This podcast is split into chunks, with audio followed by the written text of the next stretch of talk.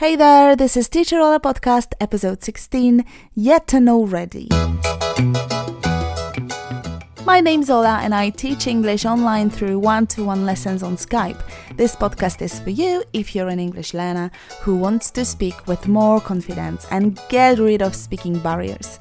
You'll boost your vocabulary, brush up your grammar, improve your pronunciation. Go to my website for full transcripts and worksheets to each episode. Happy learning! Hello again. Thank you for being here. It's great you found some time for yourself and thank you for choosing to spend it with me. Wow. Thanks for your trust. Okay, it's grammar today. Yet and already. My aim here is to exhaust the topic, and in grammar books, yet and already are usually put together with just, still, ever, never, so far, and I see why, of course, but nevertheless, I see students struggle with yet and already, particularly with these two words. I want to focus entirely on these two beauties. I want you to get it once and for all so that you don't have to search for any information around these words again. Since my biggest aim here is to help you start speaking and get rid of your blockade, I've prepared a whole list of sentences for repeating, so please do. Let's begin. It's gotta be quick, short, and sweet. Let's start with yet. Use yet in negative sentences and in questions. Yet goes at the end of the sentence. Repeat after me. He hasn't arrived yet. She hasn't read it yet. They haven't had a chance to try that yet.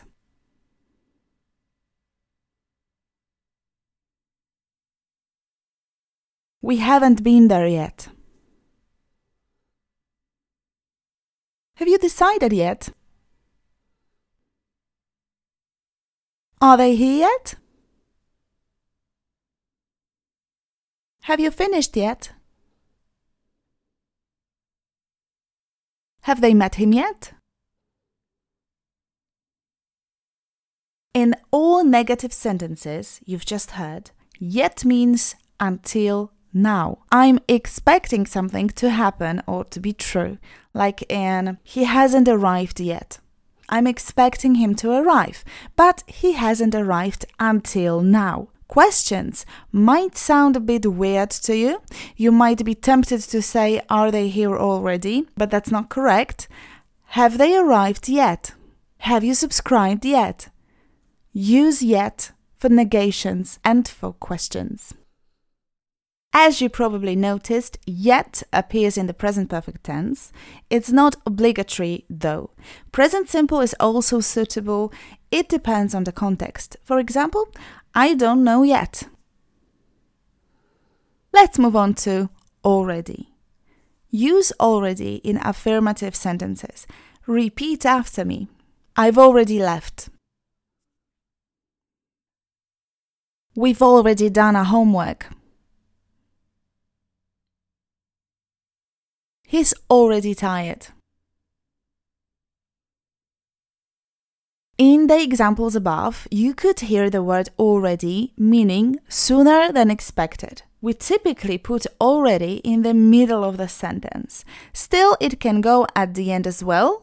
For example, I decided already, you don't have to remind me. This shows greater surprise or just emphasizes the message, the fact. Listen to this. We can also use already in questions. Are you confused? Hey, that doesn't make sense. You've promised it's only for affirmative sentences. I know, but it's not a normal question like the question with yet. With yet, it's just a regular, honest question, and the person asking it doesn't know if the thing has occurred yet or will we're still expecting it to occur. It's a pure question, like have you found the book yet? So it's just a question, a pure question. But questions with already are more tricky. the person asking a question with already knows the answer. It's not an honest, pure question. Why use it then? Well, to express surprise. Something happened sooner than I expected. Listen and repeat the example sentences. Have you already eaten? Have you eaten already? Well, in both examples, I can clearly see that he has eaten, but it strikes me somehow. I didn't expect him to be so fast.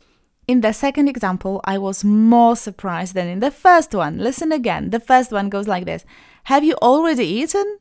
You're really fast.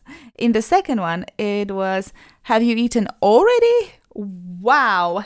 I'm so surprised. You must have been starving. Let's practice some more. Are you here already?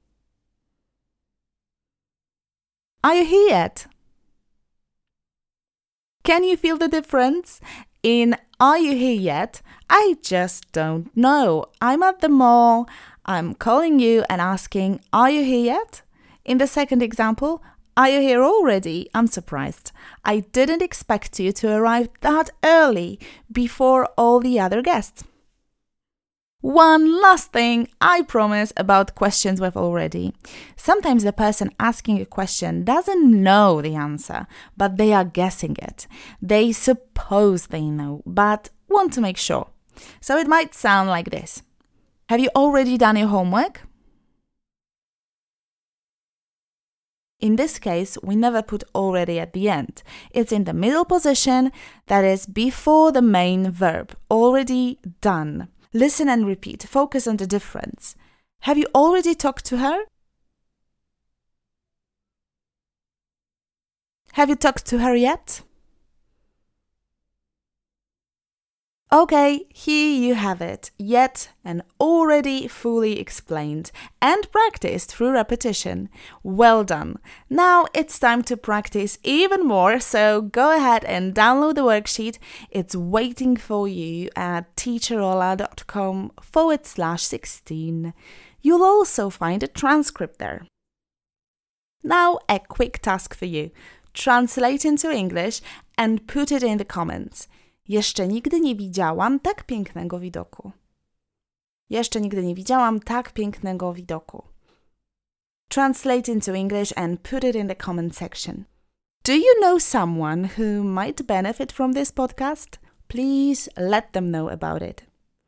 Thank you for being here with me, for taking some time for yourself. Be here next Wednesday because I'll tell you a thing or two about making mistakes in English. I know many of you feel terrified when it comes to speaking because of the fear of mistakes. Please come here, tune in next Wednesday. Till then, have a great week. Happy learning. Bye bye.